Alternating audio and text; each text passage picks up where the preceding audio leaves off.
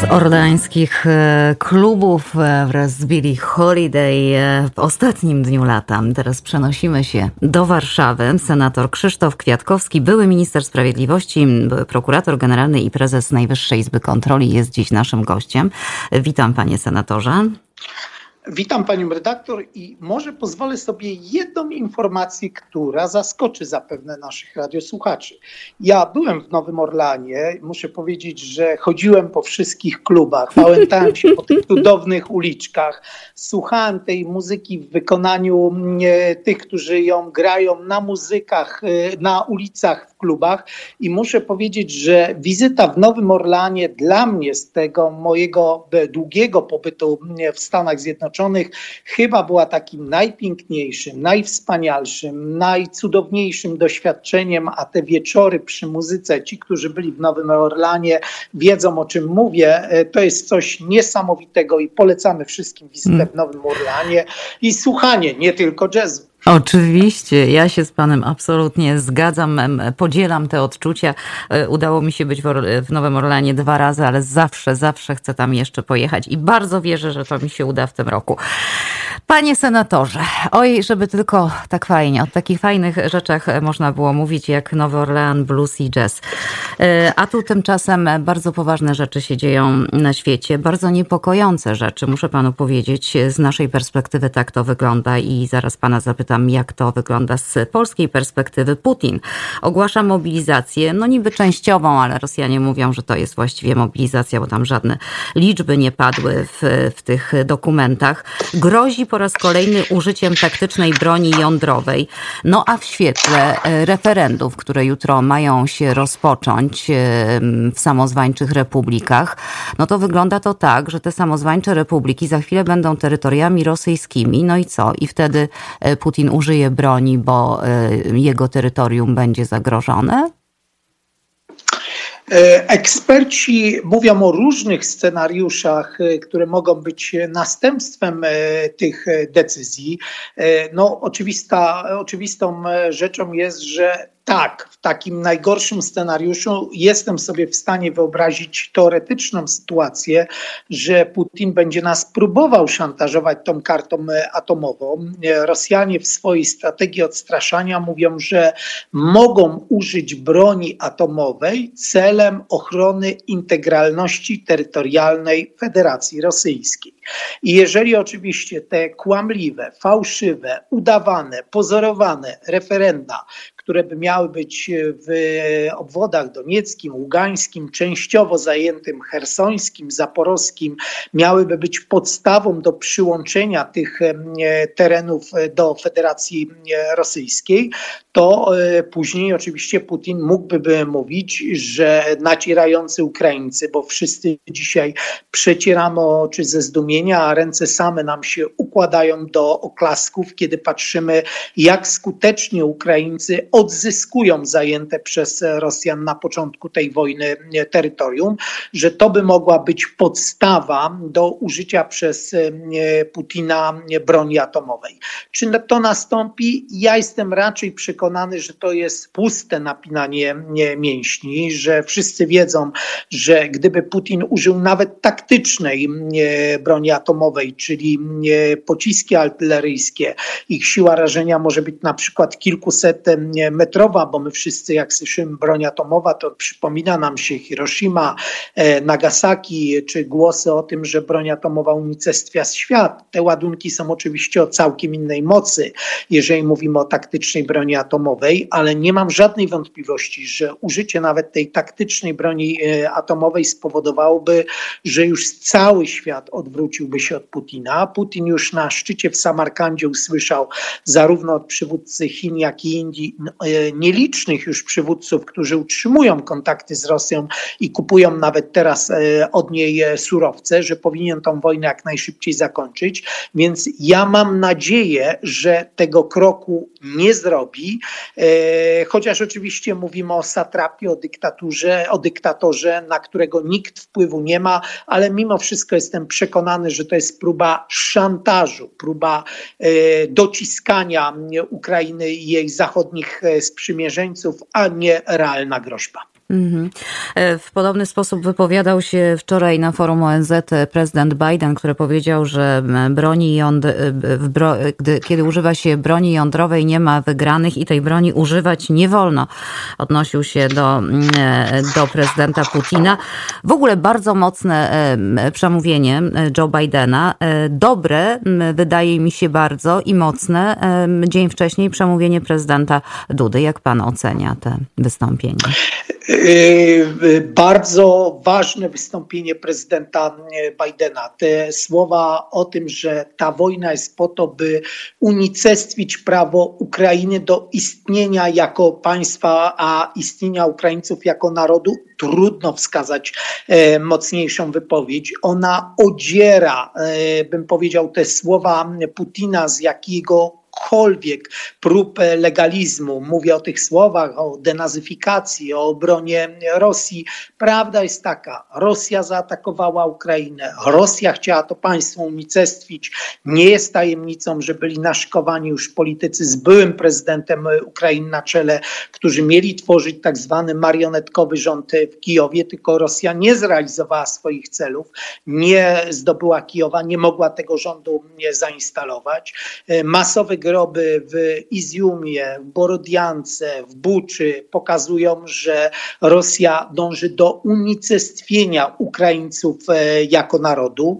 E, te słowa prezydenta Bidena o tym, że nikt nie jest w stanie wygrać wojny jądrowej, że do niej nigdy nie powinno dojść, to są słowa, które mam nadzieję, że zostały usłyszane także e, na Kremlu. No i to, co jest pozytywne, bo jednocześnie prezydent Biden powiedział to, czego oczekiwali na przykład przedstawiciele państw afrykańskich, państw Bliskiego, e, Bliskiego Wschodu, że Stany Zjednoczone przekażą 2 miliardy 900 milionów dolarów na pomoc humanitarną i żywnościową, bo Kolejnym następstwem agresji rosyjskiej na Ukrainę jest to, że Ukraina, która była ważnym krajem, jako jeden ze spichlerzy żywnościowych, szczególnie właśnie dla państw afrykańskich i Bliskiego Wschodu, w bardzo dzisiaj ograniczonym zakresie może ten eksport realizować. Duża część pól była nieobsianach albo nie można teraz zbierać e, z tych e, pól zbóż,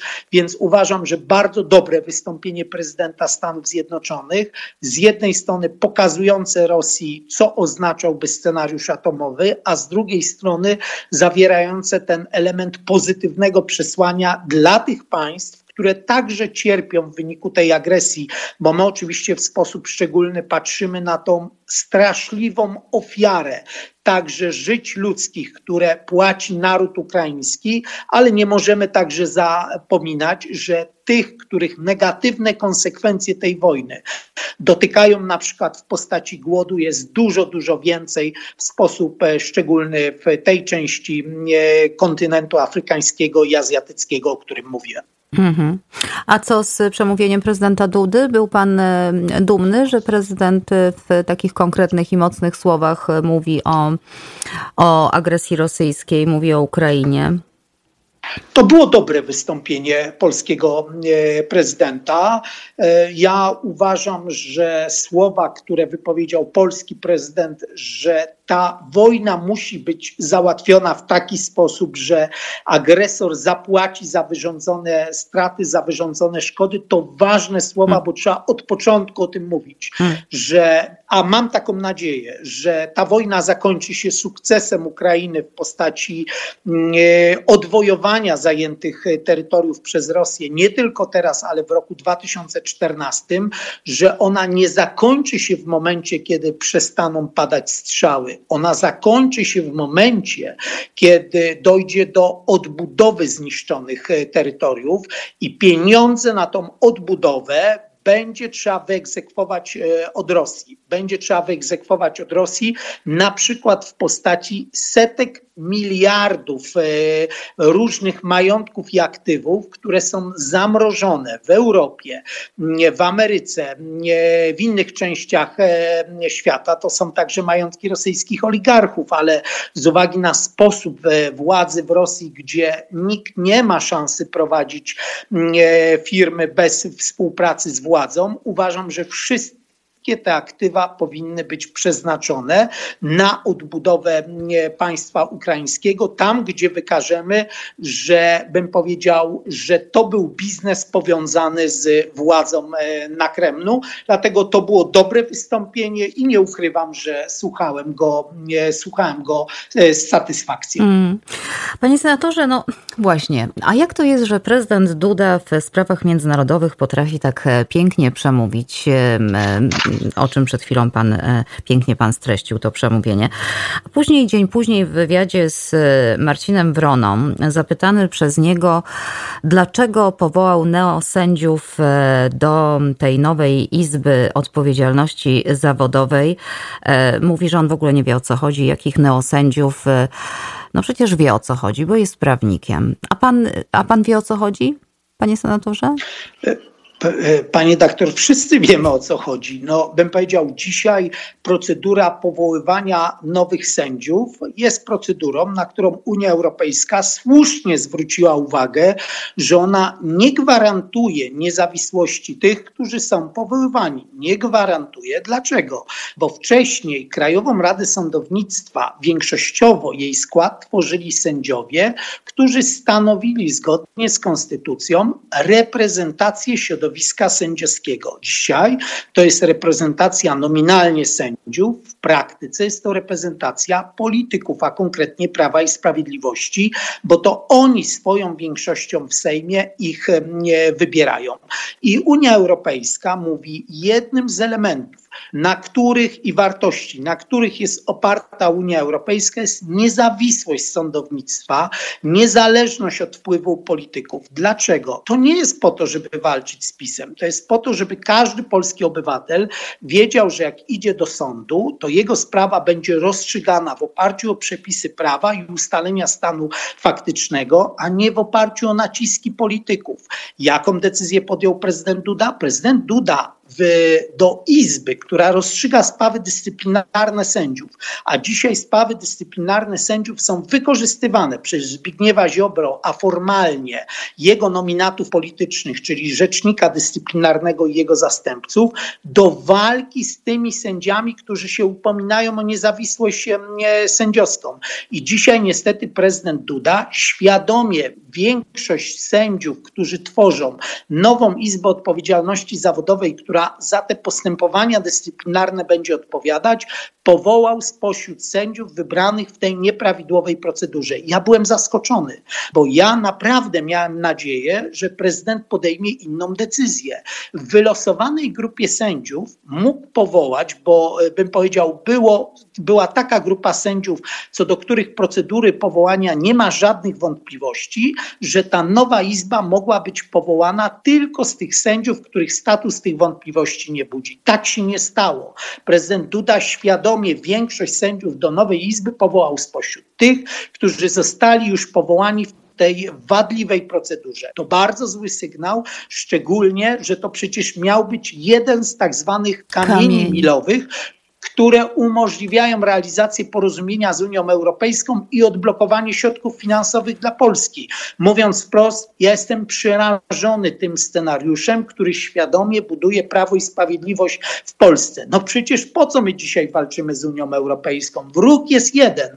Nazywa się Rosja i Władimir Putin. Jak ja słyszę wypowiedzi polityków PiSu, że tak naprawdę zagrożenia są dwa, ze wschodu i zachodu, a to z zachodu, jak mówi jeden z europarlamentarzystów PiSu, jest nawet groźniejsze, bardziej podstępne, no to ręce opadają. Przecież miałem nadzieję, że krew i ofiary Ukraińców czegoś polskich polityków, w tym polityków Prawa i Sprawiedliwości nauczą, na razie nie nauczyły. Hmm, niestety, to smutne, a e, to, co pan powiedział, tak, oni przerzucają na Unię Europejską odpowiedzialność, że ona czegoś chce, że ona się wtrąca. Panie e, senatorze, przecież to my Polacy w latach 80. walczyliśmy o to, aby sądy były niezależne, były wolne, prawda? Aby każdy obywatel e, mógł być traktowany równo przed tymi sądami. To jest po prostu nieprawdopodobna hipokryzja. E, też w kontekście tej Ukrainy, o czym pan mówi, przelanej tam krwi. No i te pieniądze, które teraz nie mamy czasu, żeby rozmawiać o sytuacji gospodarczej e, w Polsce, ale ona jest ciężka. Wiemy, że idzie zima i będzie naprawdę niewesoło i te pieniądze z Krajowego Planu Odbudowy są naprawdę Polakom potrzebne. Więc e, dla mnie... O, panie doktor, tak. one są kluczowe. Ja odwołam się do jednego przykładu. To są, y, patrząc także na nową perspektywę budżetową, to jest ponad 700 miliardów złotych, ale co jest najważniejsze, te pieniądze Unia Europejska przekazuje do poszczególnych państw członkowskich w euro, nie w walutach narodowych. I jak my będziemy te miliardy euro otrzymywać, y, to one nie tylko pobudzą inwestycje, wzmocnią gospodarkę, ale one obniżą inflację, bo później mm. to euro jest wymieniane na złotówkę, złotówka jest, się umacnia, a my dzisiaj mamy ponad 16% inflację, ogromną drożyznę, która dotyka wielu obywateli w cenach żywności, w cenach paliw, w cenach energii elektrycznej. Naprawdę odblokowanie funduszy europejskich to jest także bardzo silny bodziec do tego, żeby złoty się umacniał i ta drożyzna i ta inflacja była dla obywateli mniej dotkliwa.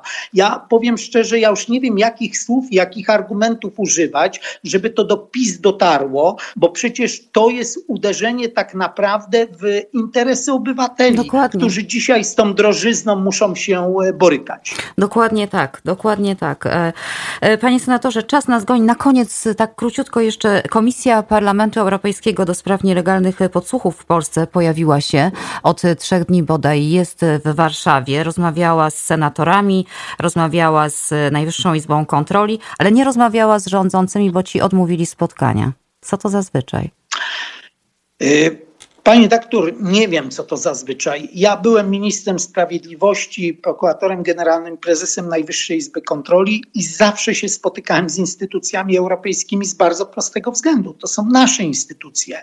My sami je e, współtworzymy. I kiedy słyszę wytłumaczenia ministra Ziobro, który mówi, ale ja nie mam obowiązku spotykać się z Komisją Parlamentu Europejskiego, mam tylko taki obowiązek spotykać się z komisjami Polskiego Parlamentu, to po pierwsze, Y, bym powiedział, y, okazuje się, że minister Ziobro nie pojawiał się także na posiedzeniach komisji i zespołów senackich, mimo zaproszeń, więc y, ta argumentacja jest po prostu nieprawdziwa. A po drugie, bym powiedział, to Parlament Europejski jest tym miejscem, gdzie tworzy się później prawo dla całej Unii Europejskiej. I ja muszę powiedzieć, że ze wstydem słuchałem wypowiedzi polityków z różnych krajów europejskich, którzy mówili, my się pierwszy raz spotkaliśmy z taką taką sytuacją.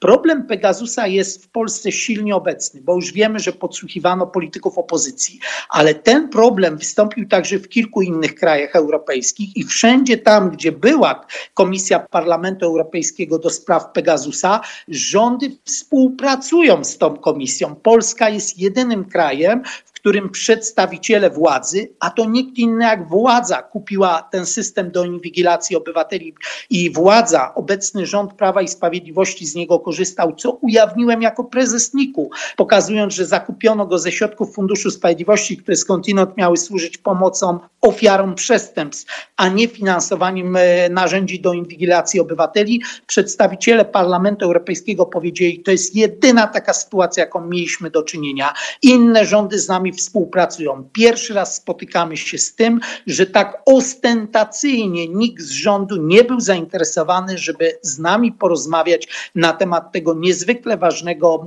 problemu, czyli jak dopilnować, żeby obywatele w Polsce nie byli inwigilowani, podsłuchiwani, bo jest to jedno z podstawowych praw i wolności obywatelskich. Dokładnie i powinno. Prawo do prywatności. Dokładnie i powinno leżeć, e, e, wie pan, w dobrym, e, że tak powiem, rząd, rządowi powinno być to na rękę, że Europejski, Europejska Komisja się tymi kwestiami zajmuje i traktuje to globalnie. No ale skoro nie chcą rozmawiać, to prawdopodobnie coś jest na rzeczy. Zresztą o tym wiemy, że coś jest na rzeczy, bo nie, nie, nie bez powodu podsłuchiwano, czy to mecenasa Giertycha, e, czy to pana senatora Brejze, który wtedy jeszcze był posłem, prawda, i zajmował się kampanią do Parlamentu Europejskiego Platformy Obywatelskiej. No nic, zobaczymy, jak to, jak to się zakończy. Dziękuję panu za rozmowę, e, panie senatorze, bardzo, bardzo wyczerpującą i, i, i jak zwykle niezwykle ciekawą. Dziękuję. Ja dziękuję jeszcze za jedną rzecz. Dla mnie jest istotne, że moje słowa są słuchane, słuchane teraz w Stanach Zjednoczonych. W Stanach Zjednoczonych, które dzisiaj pokazują jako państwo, jak bronić wolności. Gdyby dzisiaj niezdecydowana postawa amerykańskiego prezydenta, amerykańskich władz, to niestety wojna w Ukrainie wyglądałaby całkiem inaczej, a ja uważam, że byłoby zagrożone bezpieczeństwo i wolność innych narodów europejskich. Dzisiaj znowu Stany Zjednoczone są tym monumentem i symbolem wolności. Bardzo ciepło i serdecznie za to dziękuję.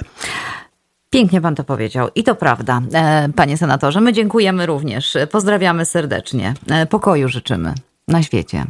Dziękuję. Dziękuję bardzo. Senator Krzysztof Kwiatkowski, były minister sprawiedliwości, były prokurator generalny i prezes Najwyższej Izby Kontroli był naszym gościem.